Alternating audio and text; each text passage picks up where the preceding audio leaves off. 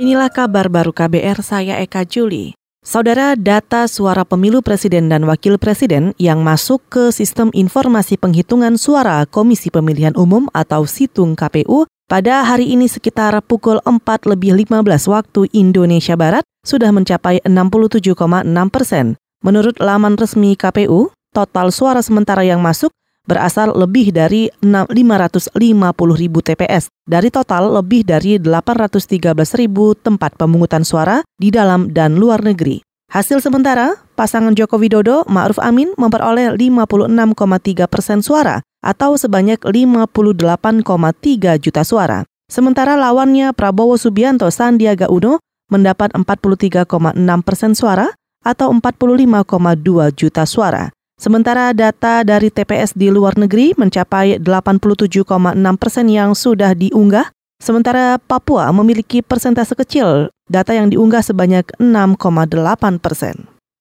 Saudara Menteri Agama Lukman Hakim Saifuddin tadi malam menjelaskan penetapan satu Ramadan yang jatuh pada 6 Mei atau Senin hari ini. Penetapannya ditentukan melalui sidang isbat berdasarkan dua metode penentuan hilal, yaitu hisab dan rukyat. Menteri Agama menjelaskan, dua metode itu selalu digunakan pemerintah, dan selain lebih bisa dipercaya, keduanya juga saling melengkapi.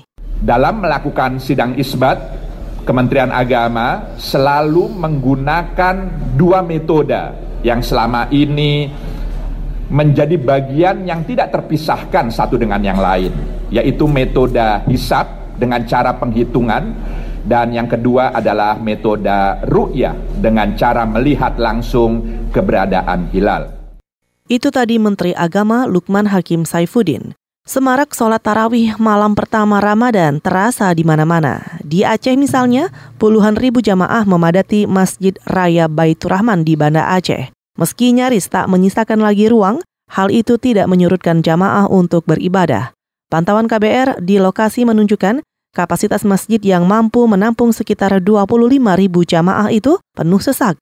Jamaah rela sholat beralaskan rerumputan di halaman taman masjid.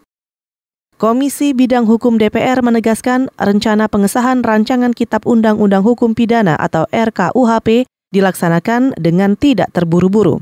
Anggota Komisi 3 DPR Taufikul Hadi mengatakan, kalau ada yang menilai pembahasan RKUHP belum tuntas atau belum selesai, berarti ia menghalang-halangi pengesahan rancangan KUHP. Pembahasan RKUHP menurut Taufikul Hadi sudah dilakukan selama kurang lebih 10 tahun sehingga ia yakin RKUHP harus disahkan oleh DPR periode saat ini. Ya, seperti itu. Jadi tidak benar itu kalau orang mengatakan bahwasanya itu adalah terburu-buru. Bagaimana itu orang mengatakan terburu-buru? Ini adalah telah dibahas ya, mungkin sudah 10 tahun dengan ini. Periode sebelumnya dibahas tidak selesai, kemudian dilanjutkan sekarang. Sekarang inilah baru selesai. Tetapi kalau misalnya orang mengatakan tidak selesai, berarti orang tersebut mengatakan belum tuntas selesai, berarti orang tersebut ingin menghalang-halangi pengesahan undang-undang tersebut.